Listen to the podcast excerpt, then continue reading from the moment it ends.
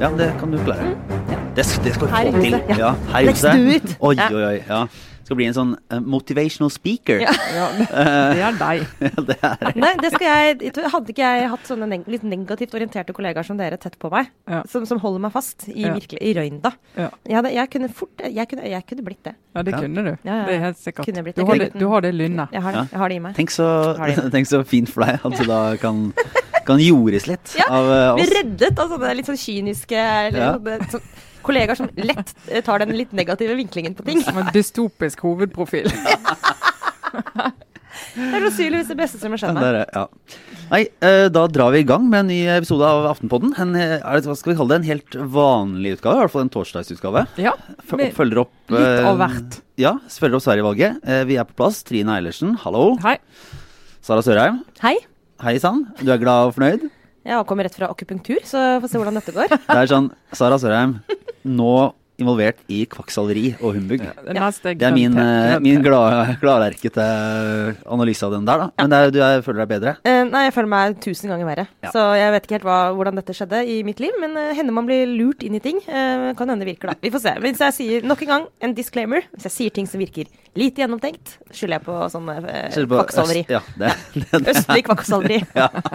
Nei, men det er fint. Jeg er Lars Glomnes, som alltid. Eh, Vi skal snakke om i dag Arbeiderpartiets foreslåtte nye innvandringspolitikk. Det er et par hindre i veien før det er, eh, før det er helt eh, banket igjennom. Så skal vi snakke litt om denne varslingssaken i Oslo kommune mot uh, SVs Inga Marte Torkelsen. en, uh, et, et lite drama i en av, av de største hva heter det, Norges kommunale største kommunale etat, Ja. faktisk. Og så ser vi litt på ti år etter finanskrisen, og Mm. hvordan det påvirker. eh, Litt opp mot Sverige, og i det hele tatt, hva har det ført til, når vi ser tilbake med, et, sånn, med, med visdommen vi har opparbeidet gjennom de siste ti årene. Har vi lært noe? Har vi lært noe? Ja. Det er en Eh, god oppsummering, Lars. ja, ikke sant? Da har de gjort en god jobb. Ja. Får vi se hvordan, Så hvordan vi det går herfra ut. gjennomføringen. Ja. Det, er, eh, nei, men det skal gå bra. Vi starter med Arbeiderpartiets innvandringspolitiske utvalg. Mm. Som da på onsdag la fram sine punkter. Eh, De la jo ikke fram hele dokumentet, for det kom først 1. oktober. Men de gikk gjennom da punktvis hva de mener nå skal endres, og hva som bør være en sånn eh, moderne sosialdemokratisk innvandringspolitikk. Helt først, Hvorfor gjorde de ikke det? Altså Det irriterer meg. Det sånn der, var det et forsøk på sånn PR eh, Var det en praktisk grunn til at de ikke, ikke kunne gi alt, eller var det sånn forsøk på liksom jeg vet ikke, kuppe mediedekningen? Vet dere det? Er så irritert når ikke man får alt med en gang. Jeg, jeg vet ikke. Det, det, er jo, det er hvert fall sånn, det gjør jo at debatten i etterkant uh, kan bli litt amputert. Fordi Ja. at man eh, det, de, eh, i, I sann politisk hånd, og det er ikke sånn at Arbeiderpartiet er, er alene om det, men, men de punktene og det som kommer fram, det, det er jo relativt konsist og formulert på måter som, som gjør at man kan legge mye i hvert forslag. Enten man kommer fra den ene siden eller den andre siden. Og det er kanskje litt av formålet, fordi dette var jo et bredt utvalg. En av de sakene som virkelig splitter Arbeiderpartiet. Det er mange som er uenige, og hvis de ikke hadde kommet fram til en, eh, altså et enstemmig innstilling, eller at, at, at ikke hele det utvalget stilte seg bak, så kunne det blitt en skikkelig røff politisk høst på det feltet. Og da hadde jo Arbeiderpartiet vært litt tilbake der de starta. Ja. Og det er jo litt, eh, altså Bakteppet her, Arbeiderpartiet som alle sosialdemokratiske partier har slitt med dette temaet i eh, mange år. Eh, en av forklaringene på den eh, jevne tilbakegangen for sosialdemokratiske partier løftes i hvert fall frem som det. Um, og Grunnen til det er jo nettopp det at konflikten går rett gjennom partiet. Du har alle synspunktene inne i partiet. Og I Arbeiderpartiet så er det at det er et par sånne saker. Det er denne Lofoten Vesterålen har vært. Uh, og ja, i hvert fall de to. Ja, Og før var det også EU. Det, Og EU, ja, selvfølgelig. Fortsatt, Men- og til det, stede, det er noen sånne saker som er veldig splittende. Altså det er liksom tilsvarende Høyres bioteknologi. Og Høyre og bioteknologi er mye enklere å forholde seg til. For det er en ganske sånn isolert tema der ute, så det bare dukker opp hver gang landsmøte. Men dette er jo en av de vår tids store store politiske saker. Og Derfor er jo interessen rundt Arbeiderpartiet sitt arbeid på dette området er veldig stor. Fordi at det, er, det, det betyr mye for eh, norsk politikk på området, og det betyr veldig mye for norsk debatt på området. Og det kan øh, oppsummeringsvis så, så kan man si de går bl.a. inn for det de kaller en eh, solidaritetspott på 5 milliarder, som egentlig skal tas gjennom effektiviseringer og, og omplasseringer av eh, bistandsbudsjettet. Gis til eh, andre tredjepartsland for å hjelpe til med å gi flyktninger rundt omkring i verden eh, bedre rettigheter og muligheter til å leve livene sine mens de er eh, da på flukt. Ja, og er, det- Da snakker vi i de såkalte nærområdene, ikke sant? Ja, Dette er så- eh, for å sukre pillen litt, fordi eh, de også eh, ønsker at vi i større grad skal eh, hjelpe dem der de er, for å si Ja, det sånn. Det handler om å hjelpe de der de er, men de vil, Ja. kan ikke bruke de ordene, for de er jo brukt av De er andre. det Frp som eier. Og så har de bare, det er, det er flere punkter her, så det blir ikke en fullstendig oppsummering. Det, det ligger det mer, mer fakta på ute. Men de går da også grovt sett inn for altså, flere kvoteflyktninger i utgangspunktet. Eh, litt strengere for, på måte på, for ellers på asylinnvandring. Og så eh, legger det opp til en, eh, en, litt, en fordeling som kommer til å bli kontroversiell, antageligvis.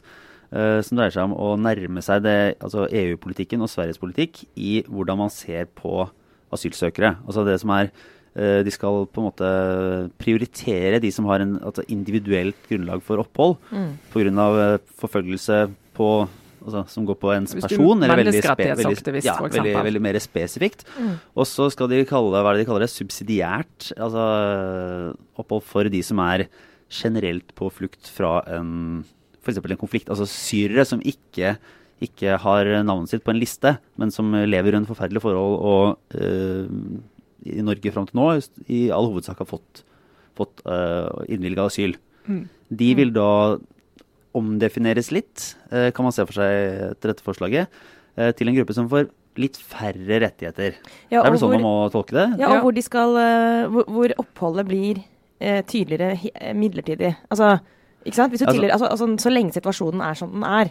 Men uh, som, som jeg Altså, forsto det, så skal ja, denne det- gruppen også i, i større grad uh, returneres når da denne f.eks. krigen de har flyktet fra går over. Økt midlertidighet, som egentlig kan sies å være i tråd med det regjeringen Ja. allerede har gått Ja. inn for. Og, og mindre mulighet for familiegjenforening. Ja. Og eh, ellers så kan du si at dette gir jo en det gir jo da eh, det gir mulighet, sånn som eh, retorikken er, for angrep fra begge sider. Fordi det er jo en del ting som er konkrete, altså som vil være innstramminger. Og så, så kommer jo f.eks. dette ja, Solidaritetsfondet, som jo også får kritikk for å være en sånn Ok, du gir nytt navn på en pengesum som allerede går ut av budsjettet. Mm, Og et nytt og ikke et tilfeldig navn Nei. på en pengesum. Ja. Ja, for Det er jo en retorisk øvelse også, dette. Det er, det er praktisk politikk. Men det er også liksom, selvfølgelig hvordan du legger det frem, hvilke ord du bruker, som du var inne på, Trine. Ikke eh, på en måte høres ut som Frp, men likevel kanskje treffe mange av de velgerne som ellers ville gått til Frp. Altså det her er, snakker vi en eh, knivsegg. Men jeg så at, eh, at Arbeiderpartiet fikk ros fra eh, Kjetil Rollnes på Facebook, eh, min, en av mine mest besøkte Facebook-sider. hvor jeg Dessverre, eller heldigvis, jeg vet ikke, eh, tar meg selv i å være enig i en del ting, plutselig. Jeg Hva skjedde med deg? Jeg håper det er rollene som har endret seg, for å, for å si det sånn. Men, men jeg, for jeg var litt enig. Han, han skrev eh, nå at uh, han roser Arbeiderpartiet for å ikke gå liksom veldig tydelig i, i sett, forenklet sagt, på en måte i den snille eller slemme retningen. Altså unngå den derre veldig sånn litt sånn populistiske retorikken hvor du enten skal kappes om å være strengest. Nei, vi er strengest på innvandring. Nei, vi er strengest. Eh, og heller ikke gå i den vi skal være snille og åpne hjertene våre, men at de har gått inn i enkelt, eh, altså de har gått inn i hver enkelt ordning og strammet litt her, åpnet litt der. Egentlig ganske nyansert forslag, eh, som, som egentlig er litt sånn eh, Det er bra fordi det kan skape en god debatt. Men det kan også være veldig veldig krevende fordi det er vanskelig å kommunisere hva de egentlig har gjort. Men, man, men vi må jo- være glad ja. for at de har unngått de største liksom, eh, Hva skal vi si for noe? Det, altså, det har ikke falt ut i den ekstreme retorikken, da. Det er bra. Det har du tydeligvis ikke, men du har jo fått kritikk fra bare for å prøve å smøre, de har fått kritikk fra Venstre for å uh, være for strenge. Inhumane ordet. Inhumane ordet, ja. Mm. Uh, og så har de fått kritikk fra Nei, altså de har ikke fått kritikk, de har fått ros, eller hva skal man si, litt sånn eh, nedlatende ros. Er ikke det? Eh, en litt sånn klapp på hodet fra Slå Høyre. inn åpne dører-kritikk. Fra, fra Høyre som sier at ja, men nå er det fint at de store partiene egentlig sier det samme, og velkommen etter og helt sånn greit. Og så har Fremskrittspartiet sagt at ja, men Hva var det vi sa? jo- Ja, egentlig. Dette er jo bare Dette har vi sagt lenge, og uh, Vingle Arbeiderpartiet som eh, kommer etter med ting som vi har ment lenge. Og dette, hvis de har jobba så mye med det og vært så tøffe i retorikken som Masud Gharahkhani var tidligere, så er dette liksom en, eh, en sånn De har feiga ut, da. Mm. Men, det, men vi skal se på altså, hva, hva, som er nytt her. for det er klart det, En del av det er jo innpakket inn i retorikk. og det Solidaritetsfondet er jo nesten parodisk. det er litt sånn, Du kan ikke komme med noen politikk fra Arbeiderpartiet uten at ordet solidaritet er med. Så får det heller være det det er. Ikke dette alle skal med i fondet, eventuelt? Ja, men det er klart, altså det som er nytt med det, uh, det er jo at de går rett inn i den uh, Paul Collier-logikken. At du er nødt til å få folk i arbeid. Din, han er en sånn forsker som har jobbet veldig mye med migrasjon og er veldig opptatt av det at du er nødt til å gjøre mye mer for de som er i nærområdene. De er nødt til å få muligheten til å jobbe, f.eks. Og kunne opparbeide seg rettigheter. Kunne ha et liv når de er der de er, og enten for å gå videre eller dra tilbake til sitt eget land på et tidspunkt. Og Det har vært en sånn, det er ganske viktig at Arbeiderpartiet går inn i den debatten der, fordi at det kan gjøre den mindre vanskelig. For Sånn er jo norsk innvandringsdebatt. at uh, Det kommer veldig an på hvor forslagene kommer fra. Kommer de fra Frp, så blir de ofte automatisk skutt ned, fordi at det er inhumant regnes det som. Mens når du kommer fra Arbeiderpartiet, så får du en annen debatt. og Det kan man mene urettferdig eller rettferdig, uh, men det er nå engang sånn dynamikken er. Og Den diskusjonen er, er, er viktig. Uh, og så er det andre nye, det er denne todelingen mellom asylsøkere. Det er nytt. Uh, og Der kan liksom regjeringen si at ja, men vi, vi, har tenkt akkurat på samme måten, og nå kommer dere etter. Og det, det, har ikke de gjort. De har ikke gjort en sånn todeling. Altså det med hvem som skal få ja, Individuelt forfulgte, ja. og den gruppen mer som flykter fra krig, og som vi Ja, sånn når syrerne kom. Mm. Den er viktig. Uh, men det som også er nytt og som er interessant, det er jo at de er veldig sånn tydelige på, og det er litt av nøkkelen her, da, at det må være en forutsigbarhet her. fordi at Noe av det som har gjort at innvandring og liksom uroen blant mange velgere har vært, uh, vært stor i forbindelse med flyktningkrisen, det var en opplevelse av at uh, myndighetene ikke hadde kontroll. Vi hadde ikke kontroll, vi kunne ikke sjøl styre hvordan, hvor mange som skulle komme, hvordan det skulle påvirke vår økonomi, våre velferdsordninger, vår velferdsstat. Og den følelsen der, det er det flere enn de som er altså, normalt skeptisk til innvandring til, som, som blir urolig av. Og det er utrolig viktig for noen som skal styre et land og signalisere at vi er opptatt av kontroll. Og Der kommer den inn det nye hvor de sier vi skal snakke om hva er bærekraftig for oss. Rett og slett gå inn i antall. Diskutere med KS og kommunene, staten sammen. Hva er mulig for oss å ta imot, hva er mulig for oss å integrere. Vi kan ikke bare si at det kommer an på hvor mange som greier å komme seg fra Middelhavet til Norge. Det kan ikke styre et så viktig politikkområde. Mm. Og det er jo selvfølgelig, altså Regjeringspartiene mener jo det samme, alle mener det samme, men de kan liksom prøve å gå et steg videre i hvordan vi kan gjøre det. og Da har de denne her, eh, altså Summen skal være konstant, men går eh, asylsøknadene ned, så kan vi ta flere kvoteflyktninger. Eh, altså de som er silet gjennom FN-systemet. Mm. Asylsøkerne er jo ikke det. De har jo kommet seg av gårde på egen hånd. Og så si at eh, jo færre asylsøkere, og de må vi jobbe med å få håndtert nærmere eh, hjemlandet jo flere kvoteflyktninger kan vi ta. Men sånn at, men da har vi en forutsigbarhet. Da kan vi regne på det til og med. Og vi kan liksom forberede samfunnet vårt på skoler, på barnehager, på, på helsevesen for det antallet som kommer. Da. Og sånn etisk sett, og dette blir selvfølgelig altfor svart-hvitt, men du kan på en måte si at asylsøkerne mer ressurssterke, eller du kan liksom, De kommer seg frem til grensen på egen hånd. Eh, kvoteflyktningene, der har du mulighet til å velge de som er enda mer utsatte. De som overhodet ikke er i stand til å klare seg. Altså sånn, håper å si, vi setter det, som sagt, Svart-hvitt så er det sånn Asylsøkeren er en, en ung mann. Kvoteflyktningen er en, en, gammel kvinne eller et lite barn. Altså, kvinner og barn, og de som ja. er liksom silt FN. da. Men det tenker jeg vil sikkert bli en sånn Når du skal fremstille dette som en mer en, altså, hvis vi ønsker å fremse dette som en human eh, innvandringspolitikk, så er det den. Da er det det du må spille på. Ikke ja, men dette ja. er jo blitt en ganske sånn gjengs tanke. Det er ikke mange år siden det heller ikke gikk an å snakke om. Fordi da var liksom, Er du asylsøker, så er du asylsøker. Da må du få opphold ferdig med det hvis du, hvis du har rett til beskyttelse. Ut fra de vanlige kriteriene. Så dette er en ganske sånn eh, tung innstramning som ligger i det. Men eh, ja. Nei, og så har de, jo, de har jo på en måte en erkjennelse De sier da at nå uh, at man, man, er nødt til å opp oppdatere regelverket fordi man ser at rettighetene slik de er i dag, er det er ikke skalerbart til behovet. Mm. Altså man har, eh, og dermed så må det sorteres på et eller annet vis, og da må, vil man da innføre en, dette skillet. Og, og, sånn sett prøve å ja, tar jo stilling da, til hva, man, hva de vil prioritere. Mm. Men, men, det som er, jo kommer til å bli debatten, er å si at vi får en ny flyktningkrise, og folk greier å ta seg til Norge likevel de kommer seg opp hit og de står og banker på døren. Så får du en sånn OK, vi har de kvoteflyktningene, da må du ta ned tallet på de. og så må du ta inn en del asylsøkere, og så skal du sile de, og så skal du sende tilbake mange flere. Mm. Og mange flere skal få midlertidig opphold og ikke få familiegjenforening. Det er akkurat det som har vært betent i den forrige innstrammingspakken til regjeringen. Det var bl.a. familiegjenforening, hvor den ble nedstemt eh, bl.a. med Arbeiderpartiets stemme. Og det er også, uten å gå i detaljer på det, utrolig komplisert hvis du først begynner å problematisere familiegjenforening. For det er klart at sånn enkelt sett så tenker man det er inhumant, eller altså, det å ikke få lov til å forene seg familien, det kan jo gjøre det veldig vanskelig å, å, leve et godt liv i Norge. Hvis vi ønsker at de som kommer til oss skal få den best mulige muligheten til å bli en god borger og et, i et sunt sinn. Altså, det er mange argumenter for at det da er logisk å hente familien, ikke sant. Men så så jeg Ove Vanebo, tidligere Frp-politiker, skrev på oss på Facebook i går at um, Men hvis du tenker at du ikke lykkes med å bli fullt integrert uten familiegjenforening, men hvis du får en fullt integrert mann med en ikke-integrert kone, hvor langt har du egentlig kommet på regnestykket? sant? Mm. Det var en sånn, sånn problematisering akkurat dette som bare fikk meg til å tenke, som jeg ofte tenker i denne diskusjonen. Uh, dette her er ekstremt sammensatt, veldig krevende. Uh, men debatten er utrolig uh, polarisert og egentlig uh, svart-hvitt.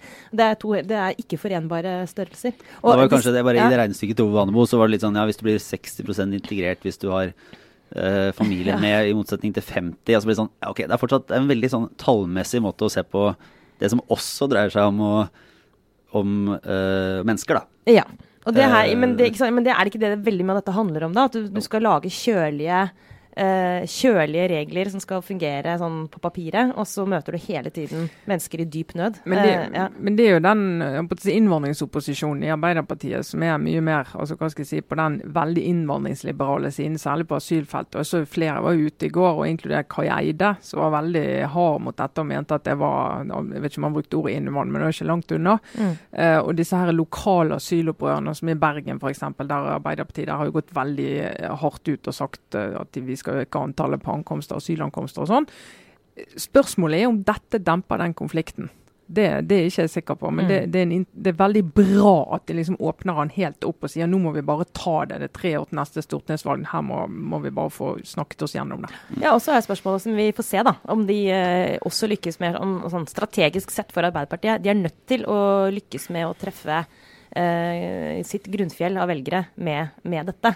Eh, hvis du ser på, I Sverige er det utrolig interessant å se på hvor mange LO-medlemmer der for eksempel, som stemte Sverigedemokraterna. Veldig, veldig mange. Eh, Demokrat der vi har fått kritikk for dette. Jeg vet det. Jeg, vet det. Jeg, sier, jeg, sier, forskjellige ting hver gang. Egentlig har jeg bestemt meg for å bare si det på norsk. Si det på norsk. Eh, Sverigedemokratene. Ok, nå lar vi en linje her. Det er min linje. Men det får vi se, da. Men liksom, hvis, de, hvis, de, ikke lykkes med dette, så er jo det eh, Ja, hva skal vi si prøver ikke å bruke altfor mye sånn krigstyper. Men da lover det ikke godt for ja, Men velgermassen er også splittet. Sånn. Mm. Det er det som er litt sånn som KrF. Ja. Hallo. Men eh, altså, vi ser det som har vært en av uh, ukens andre store saker, og som har, uh, har vært uh, litt prat om, er jo denne, altså varslingssaken mot Inga Marte Torkelsen, mm. som er skolebyråd i Oslo.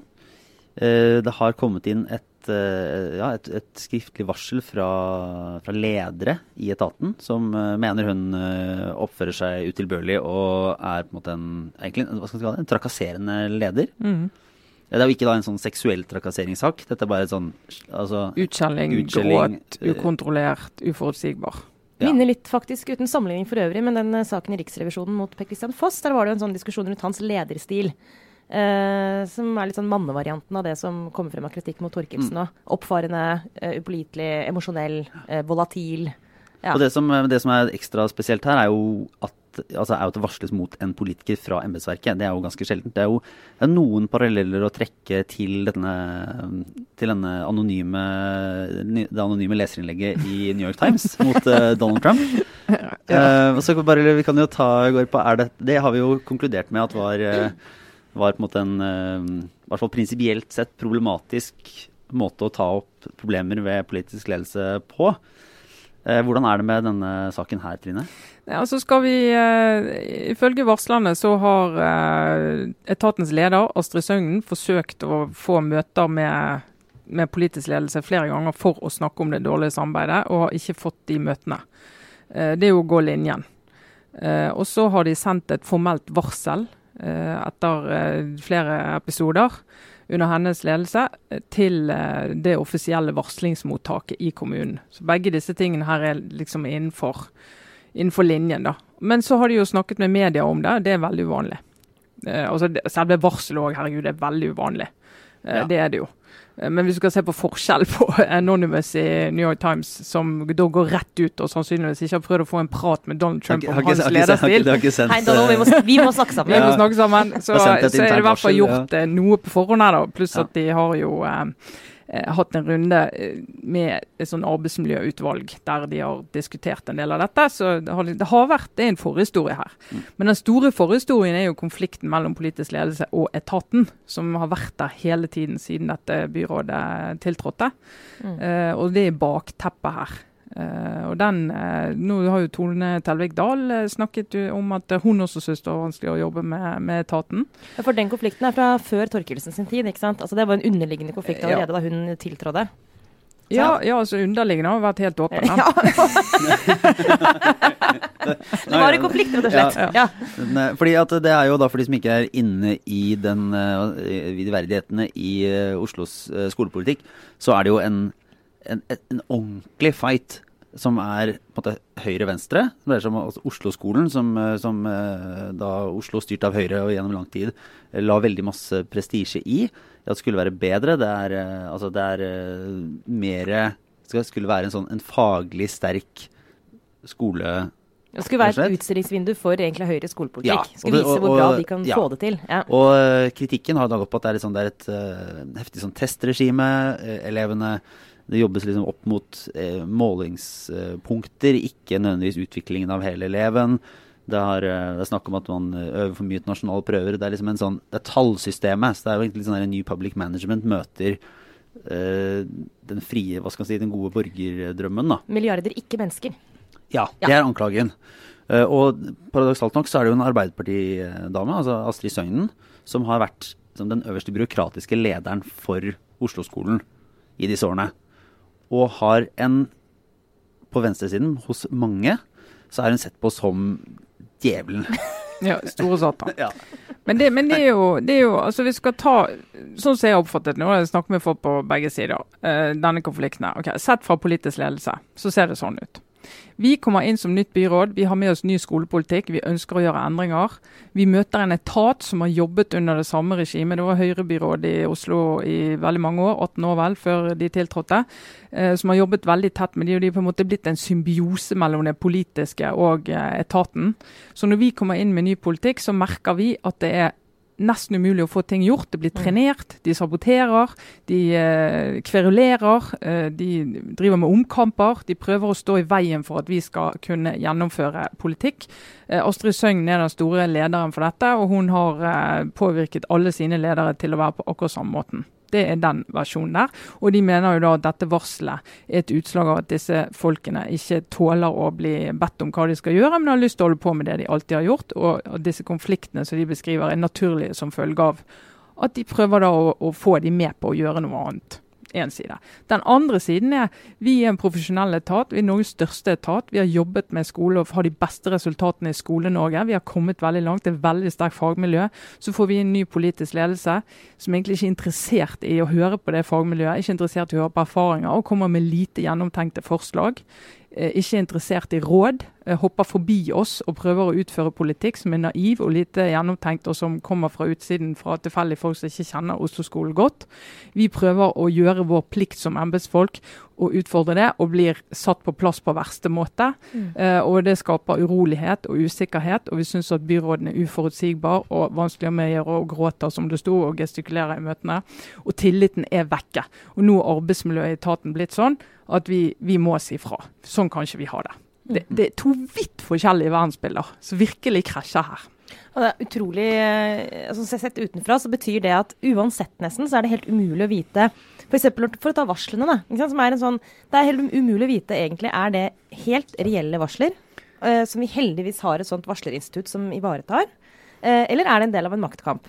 Og da kan man jo fort tenke seg andre typer diskusjoner de siste år i norsk politikk, hvor vi har vært langs litt de samme linjene. Altså maktkamp eller eh, seksuell trakassering, f.eks. Skal ikke nevne kanskje dette store partiet, Ørnen, som har slitt med akkurat den eh, diskusjonen i det siste. Men hvordan man skal vurdere det sett utenfra.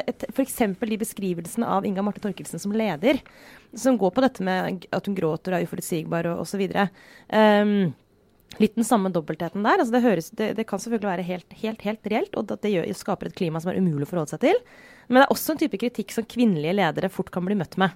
Uh, faktisk. Eh, det der å skulle være Å se til Trine Himle med øynene. Men, men det, det, liksom å være en annen type leder altså, vi, vi, vet jo ikke Vi har ikke sittet der i de møtene.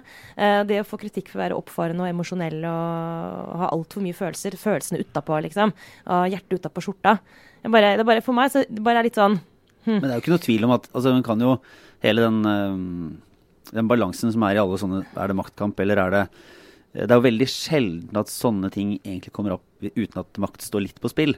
Ja. Eller, at, eller, at, det er noen eh... ja, altså, Og det er jo faglig makt, f.eks. Ja. Det er jo en kamp om eh, hvem som skal på hva grunnlag og hvordan du skal definere skolepolitikken i Oslo. Mm. Og det er altså vidt for jeg jeg tror ingen i etaten oppriktig mener at etaten ikke skal ha kontakt med politikere og bare styre for seg sjøl. Men det jeg stusser på bare er for maktkampen, altså det, er, det, det, tror jeg vi kan være helt sånn. Altså det er jo, det er jo en, en reell diskusjon, en reell konflikt. Men jeg bare, bare syns det er så rart med de derre Når det går personlig, da. Når man begynner med karakteristikker og beskrivelse av, av personer, i dette tilfellet Torkelsen.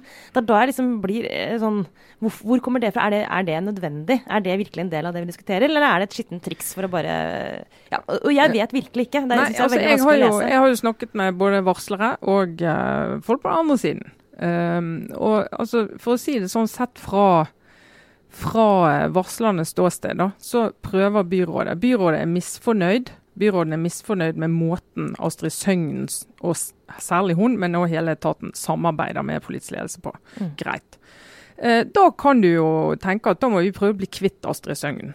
Ok, Det er for så vidt en ærlig sak. Det er ikke lett, men det går an å flytte en direktør i kommunen til en annen direktørjobb hvis du kan sitter belegge Det sitter jo en grei gjeng med sånne direktørbetalte sjefer i både Oslo kommune og andre kommuner ja, som har det. fått seg en spesialrådgiverstilling. Det, det, går, det går helt an. Kommunens variant av fylkesmann. Ja, og, og, så, og, så, kan du si, og, det er jo reell, reell, det sier jo de inne i, altså på, på politisk side, at det er helt umulig å gjøre. For hun har så høy standing, og det er helt umulig å utfordre for en politiker å utfordre embetsverket. Vi må liksom bare akseptere at hun er der. Ok, jeg tenker Det er litt sånn passivt, men ok, si det.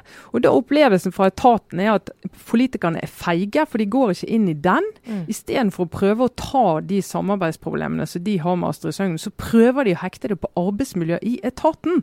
Og Det var litt sånn denne saken startet. Mm. Fordi at Etter Malkenes-saken i vår så kom det frem et uh, gammelt varsel uh, om at uh, Søgnen hadde forgått seg som leder, hadde gjort dumme ting feile ting. Et varsel som var undersøkt og lagt vekk. Så kom det opp igjen. Mm. Og så beslutta Torkesen at nå må vi ha en ny arbeidsmiljøundersøkelse i hele etaten. Vi må finne ut hvordan det er der. Altså er det, driver hun et fryktregime? For det var jo liksom bildet. Og så sier eh, verneombudene i etaten, og det er dette som er uvanlig, at den arbeidsmiljøundersøkelsen trenger ikke vi. Og da er det En som sier at en av grunnene til at de sier det, det at de mener at dette her er en måte å prøve å få tatt søgnen på. Mm på arbeidsmiljø, og ikke på det som egentlig er problemet. Ja, det er interessant, for det er også da så de var imot det. Ja. Så de var imot det. Og det har en, tror jeg nesten ikke jeg har sett at verneombudene på en arbeidsplass er imot en arbeidsmiljøundersøkelse. De pleier generelt å være veldig for. Og det er litt sånne ting vi må gå inn og se på mm. når vi skal, mer enn å liksom høre hva, hva altså Bare gå inn i alle sånne karakteristikker og alle som snakker om hverandre, og de er så vanskelig å snakke med. Men det er veldig oppsiktsvekkende, det. Og så er det oppsiktsvekkende selvfølgelig at de eh, beskriver Torkelsens atferd sånn som de gjør. Altså Hvis det er riktig, så må det være grusomt. Du kan ikke være på møter med en leder uansett hva kjønn det er, som er helt uforutsigbar, gråter og liksom gjør folk i rommet usikre. Mm. Det går jo ikke. Du må, liksom, du må jo ha et minimum av profesjonalitet i rollen. Bare helt til slutt, eh, fordi det er sånn som eh, stadig dukker opp når folk leser aviser og leser sånne saker, som, som lett tolkes inn i et maktspill og kanskje altså, tenderer mot å liksom, er, det, det, er en del av bildet. Er det sånn at når vi da har lagd denne saken i Aftenposten, at vi på en måte har I hvilken grad har vi tatt en side? Eller har vi på en måte Har vi gått inn i denne konflikten med en eller annen forståelse? Altså, altså Om hva, vi blir brukt av en av partene, tenker du? Ja, blir vi brukt? Eh, la, altså, er det Går altså, vi liksom inn mot uh, Torkelsen nå. Det er, tror jeg mange som lurer litt på hvordan man vurderer sånne saker, når det åpenbart går så hardt på en person. da. Ja, og det er jo eh, det, det som vi, Når vi gjorde den vurderingen at varselet kom sent fredag kveld, eh, så er vurderingen vår at at det kommer et formelt varsel fra ledergruppen i etaten, Det er såpass spesielt og såpass oppsiktsvekkende at det må omtales. Og du må omtale innholdet i varselet. Men selvfølgelig, det var jo det vi diskuterte under eh, Giske-saken også. I hva grad skal vi gå inn i varselet og alt det som står der og undersøke? Vi kommer til å gå inn i en god del av det. Vi har publisert en del av varselet, men det er ganske mye vi ikke har publisert, som vi går inn i. Og undersøker journalistisk. Ja, nettopp for å unngå å bli et uh, ja, ubevisst et verktøy ja, så, for en så part i saken. Ikke, ja. vi, har ikke, vi har ikke publisert alle anklagene som går på sak, andre saker. Det har vi ikke gjort. Vi går inn og prøver å jobbe med de journalistisk. Eh, men at det skjer, er en sak i seg sjøl. Og så kan du si at det var noen som mente at vi ikke skulle publisert en hadde kontakt med som mente at vi ikke kunne publisere det i det hele tatt, fordi at det åpenbart er en del av en maktkamp. Og så Dagsavisen hadde jo en, en merkelig sak. De hadde ringt til Malkenes for å spørre hva han syns. Og det han mente, det var at dette var et resultat av en maktkamp. Og Det syns jeg er ganske friskt når du sitter så langt unna at du mener å vite det. Og vi har jo også bevisst ikke ment om det ennå. Vi har ikke gått inn og sagt at dette er det ene eller det andre. Eh, fra kommentaravdelingen på lederplass. Andreas Slettholm har skrevet kommentar hvor han prøver å sette det i sammenheng med litt historikk og prøve å forklare hvorfor dette er så spesielt. Men vi har ikke gått inn og sagt at dette er det som har skjedd, for det er jo det som, den historien vi prøver å få nå.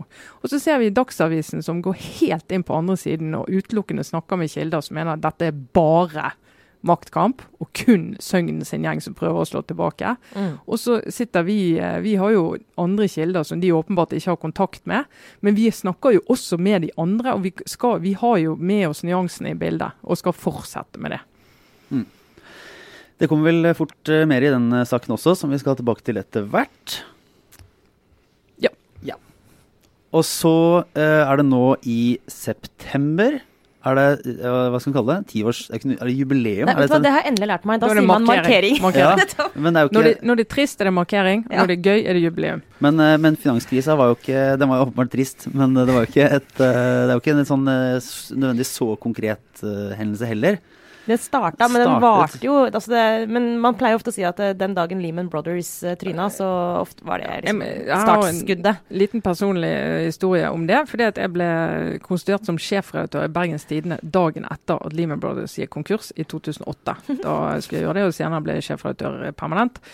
Men da husker jeg, når jeg satt dagen før det styremøtet der jeg skulle bli ansatt da, som det, så fikk jeg med meg at dette skjedde. og Jeg har jobbet som økonomijournalist og følger med på dette og tenkte at oi, mm. dette er viktig. Verdens største bank har falt sammen og begynte der. Og så lite visste jeg om hvordan dette skulle påvirke min hverdag det neste året.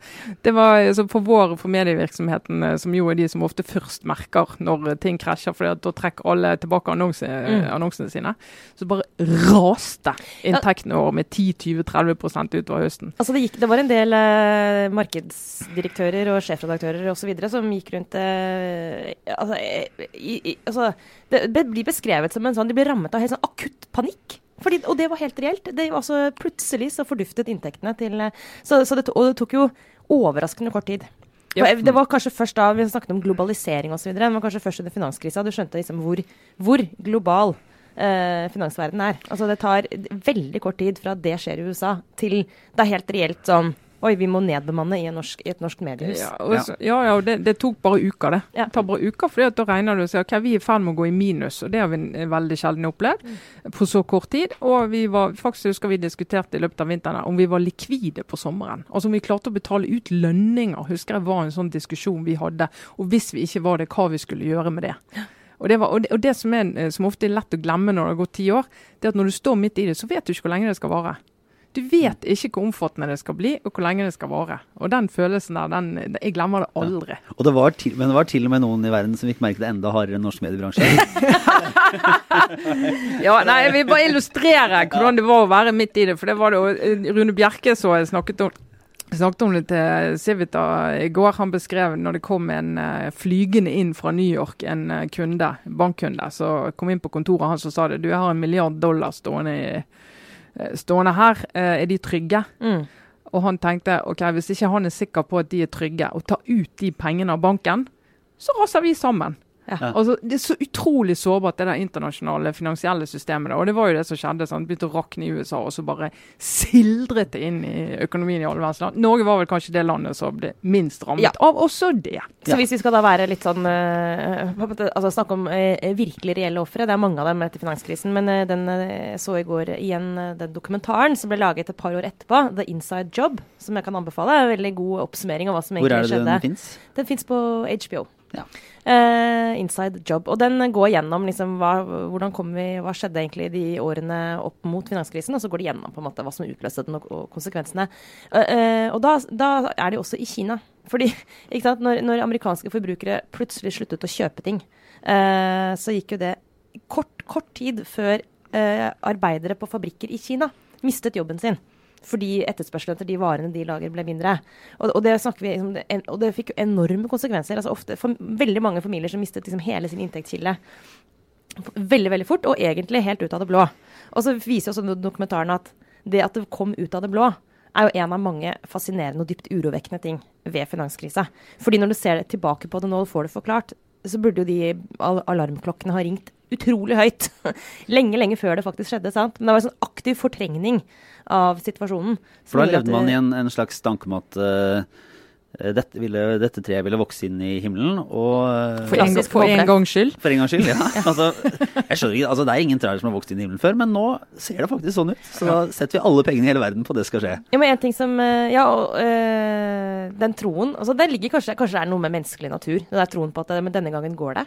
Eh, men også handler det jo også om politikk. Og det er også nyttig eh, Den dokumentaren minnet, mint meg på igjen. Altså, den går gjennom da de, de eh, og For å si det litt, for, litt eh, forenklet, og den er også, for bare for å si det, den er ikke verdens mest nyanserte dokumentar, altså.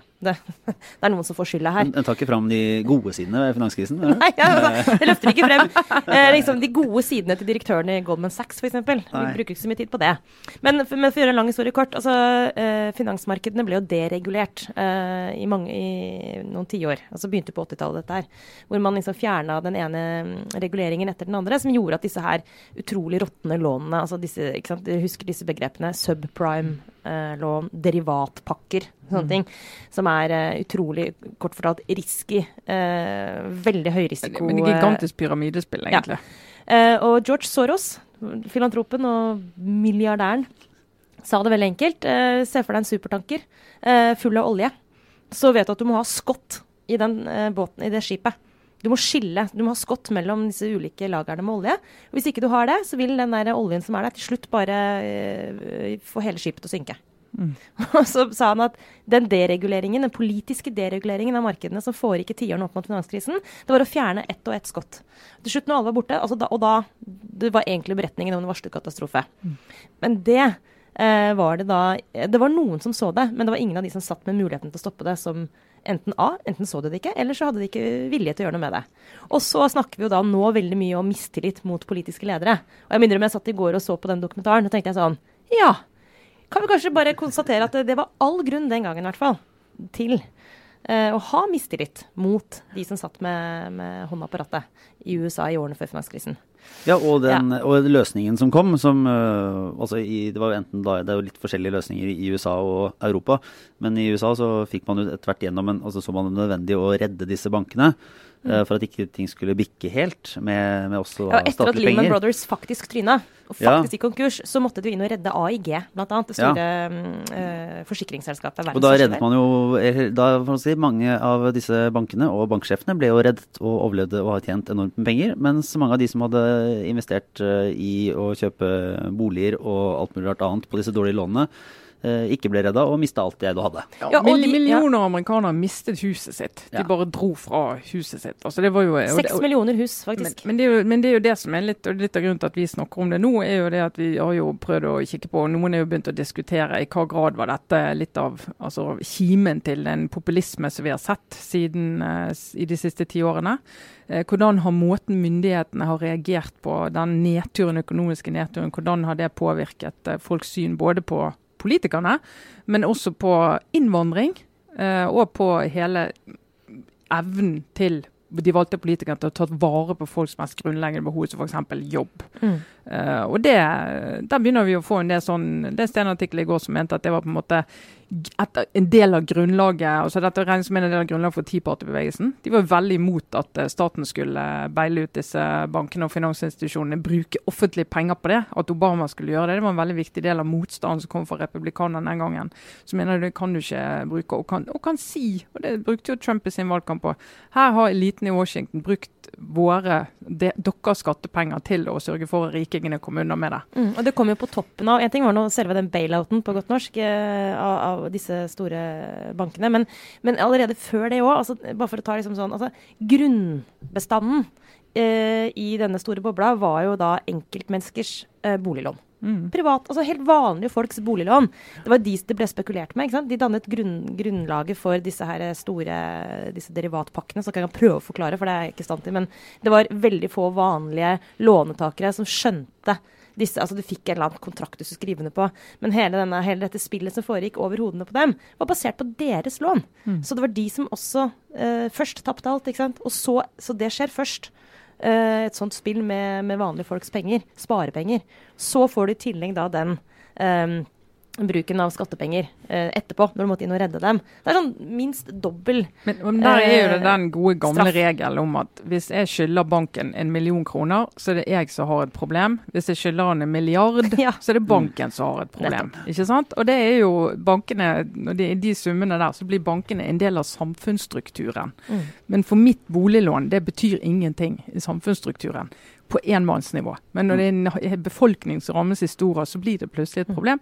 Og du ser i, EU, i USA altså, det var jo si, Grunnen til at Norge egentlig ikke har merket finanskrisen etter at den skjedde, det er jo det at vi har jo hatt en økonomi, en statsøkonomi, et oljefond, en mulighet til å drive både motkonjunkturpolitikk altså det er sånne ting som de andre landene de måtte ha økt statsgjeld voldsomt hvis de skulle ha gjort det samme. Så det de gjorde, det var de strammet voldsomt inn.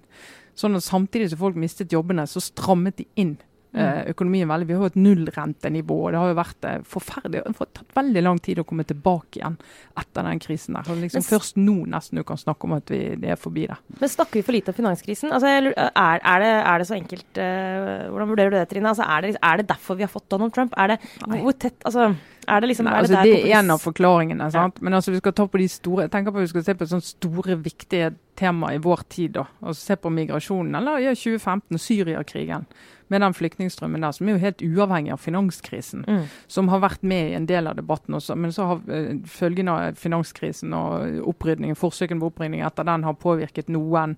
Og så har du minst over dette her igjen, så har du hele den der eh, globaliseringen, digitaliseringen, automatiseringen og det som har skjedd med arbeidslivet. Som egentlig ikke henger direkte sammen med det. Sånn. Så her mm. er det, jeg tror det er veldig enkelt å bare peke på finanskrisen eller flyktningkrisen. Eller, altså for Det er så utrolig sammensatt, og det er forskjellige effekter i forskjellige land.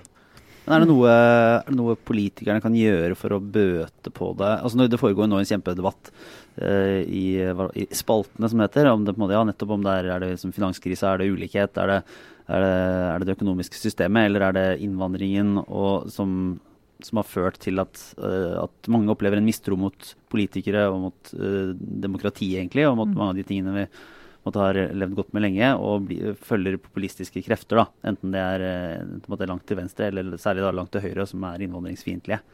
Er det noen altså der, der, er det vel, som du sier, ikke noe helt Det er ikke noe avgjort svar på det. Men er det noen, er det, hva er liksom, helt kort liksom, leksene politikerne må ta med seg i veien videre, som du ser det? Nei, altså ene leksen, og det har de jo prøvd, men noen vil mene de har ikke prøvd godt nok, det er jo også å innføre litt nye reguleringer av finansmarkedet. Altså stille høyere krav til uh, sikring f.eks. når du skal finansiere noe. Bare se i Norge har vi gjort det, på individnivå, ikke minst i Oslo.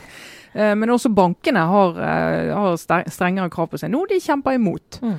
men som de, som de har fått. Eh, og hvor du har en diskusjon om den reguleringen nettopp fordi du har den erfaringen i bakhodet. Det er selvfølgelig politikernes ansvar å gjøre det.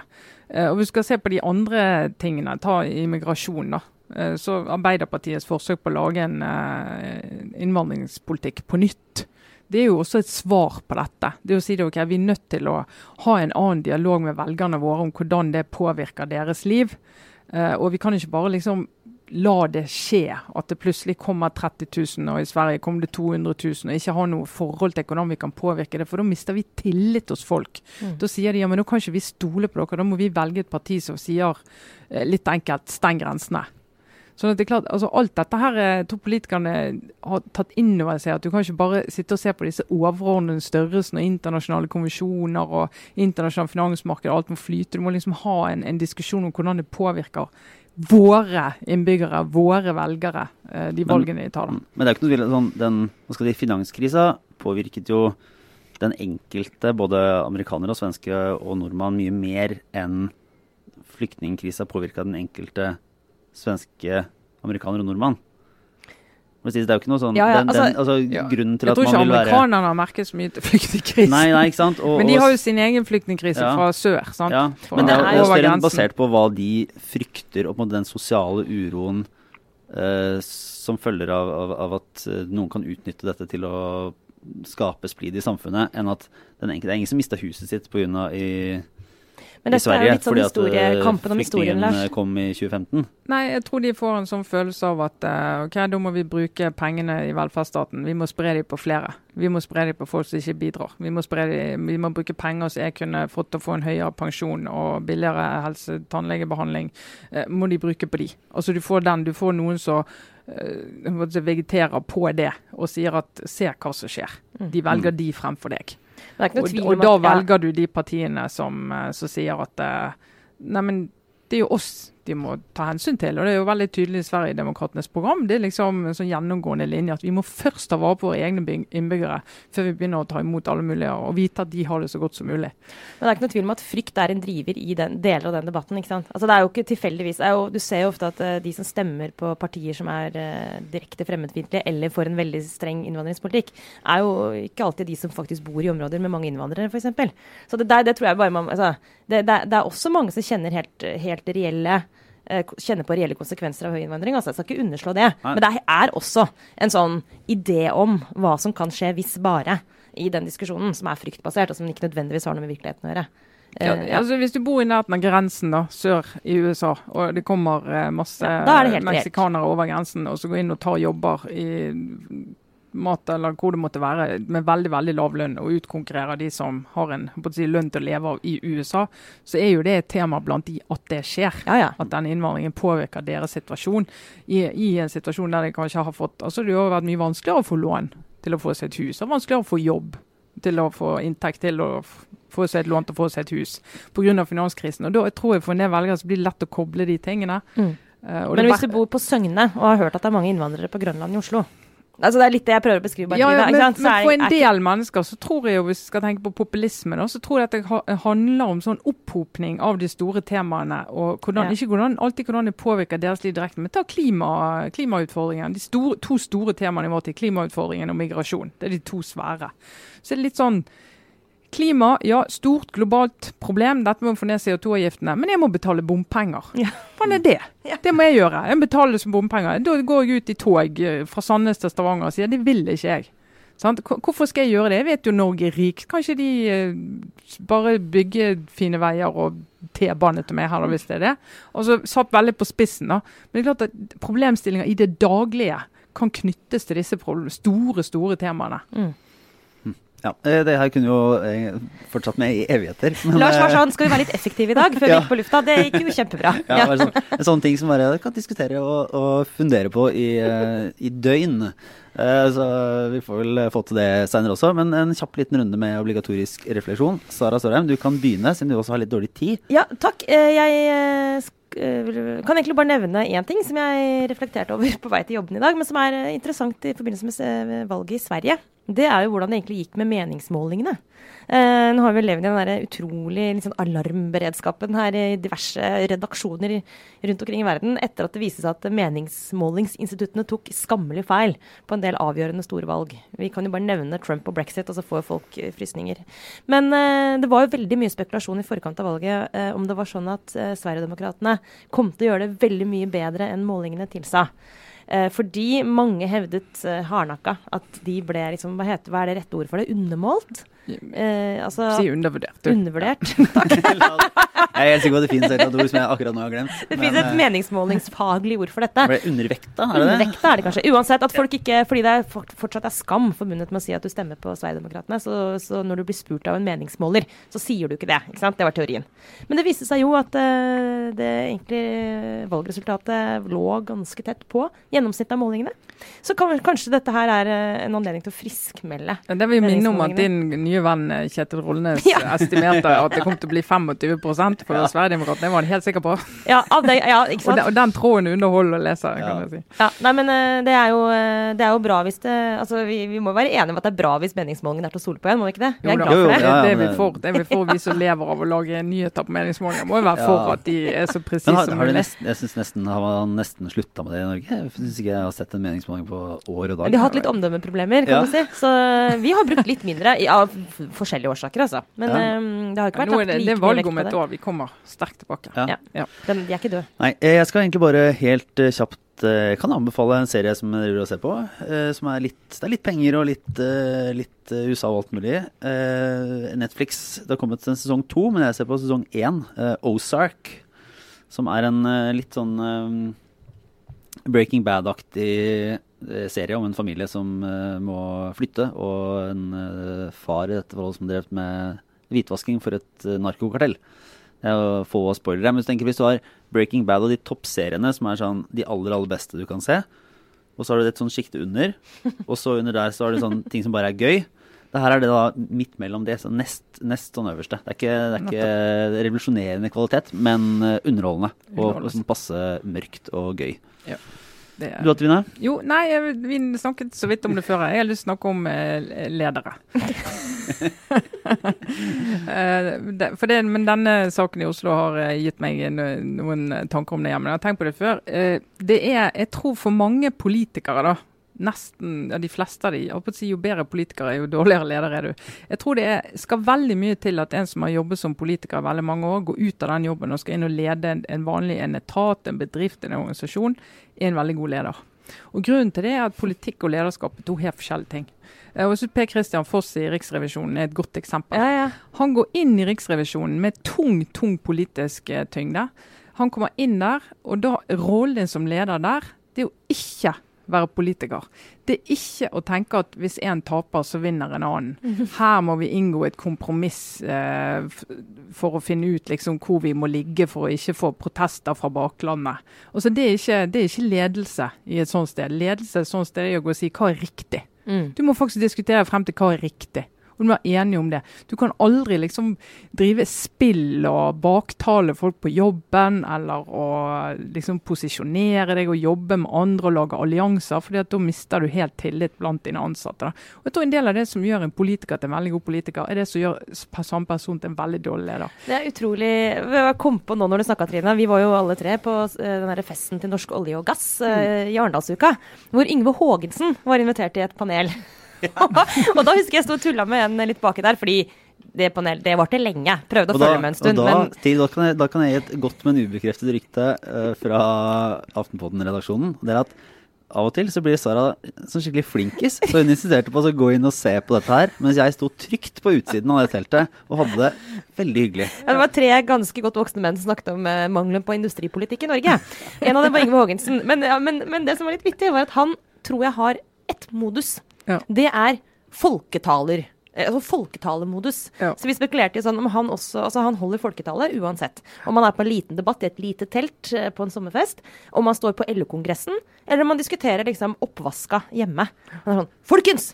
Vi har bare én mulighet! Altså, så, da tenker jeg det der, det funker i noen settinger, funker veldig dårlig i andre. Ja, ja, men, men det, det, det er helt riktig. Og jeg tror noen klarer det, men da må de på en måte gå gjennom en sånn mental bilvaskemaskin og bare si at nå er jeg ikke politiker, jeg skal ikke gjenvelges. Det, jeg, skal ikke, jeg skal ikke posisjonere meg sånn at jeg liksom får de med meg og ikke bryr meg om de er mot meg. Og så Når du skal inn i den type lederskap, er det virkelig helt annerledes. Så Derfor så er min hypotese er at veldig mange tidligere politikere er helt grusomme ledere. og veldig mange ledere er helt grusomme politikere. Kan vi si at Her vil vi gjerne ha innspill fra våre lyttere, som eh, enten er politikere eller har vært det og blitt ledere, eller eventuelt kanskje aller helst blir ledet av en tidligere Ja, men jeg tror den, den troen på at ja, men jeg har jo vært leder av et departement ah, du, Det er en grunn til at depp-råden er der, for å si det sånn. kom, med, kom med historier til oss, da vel. Ja.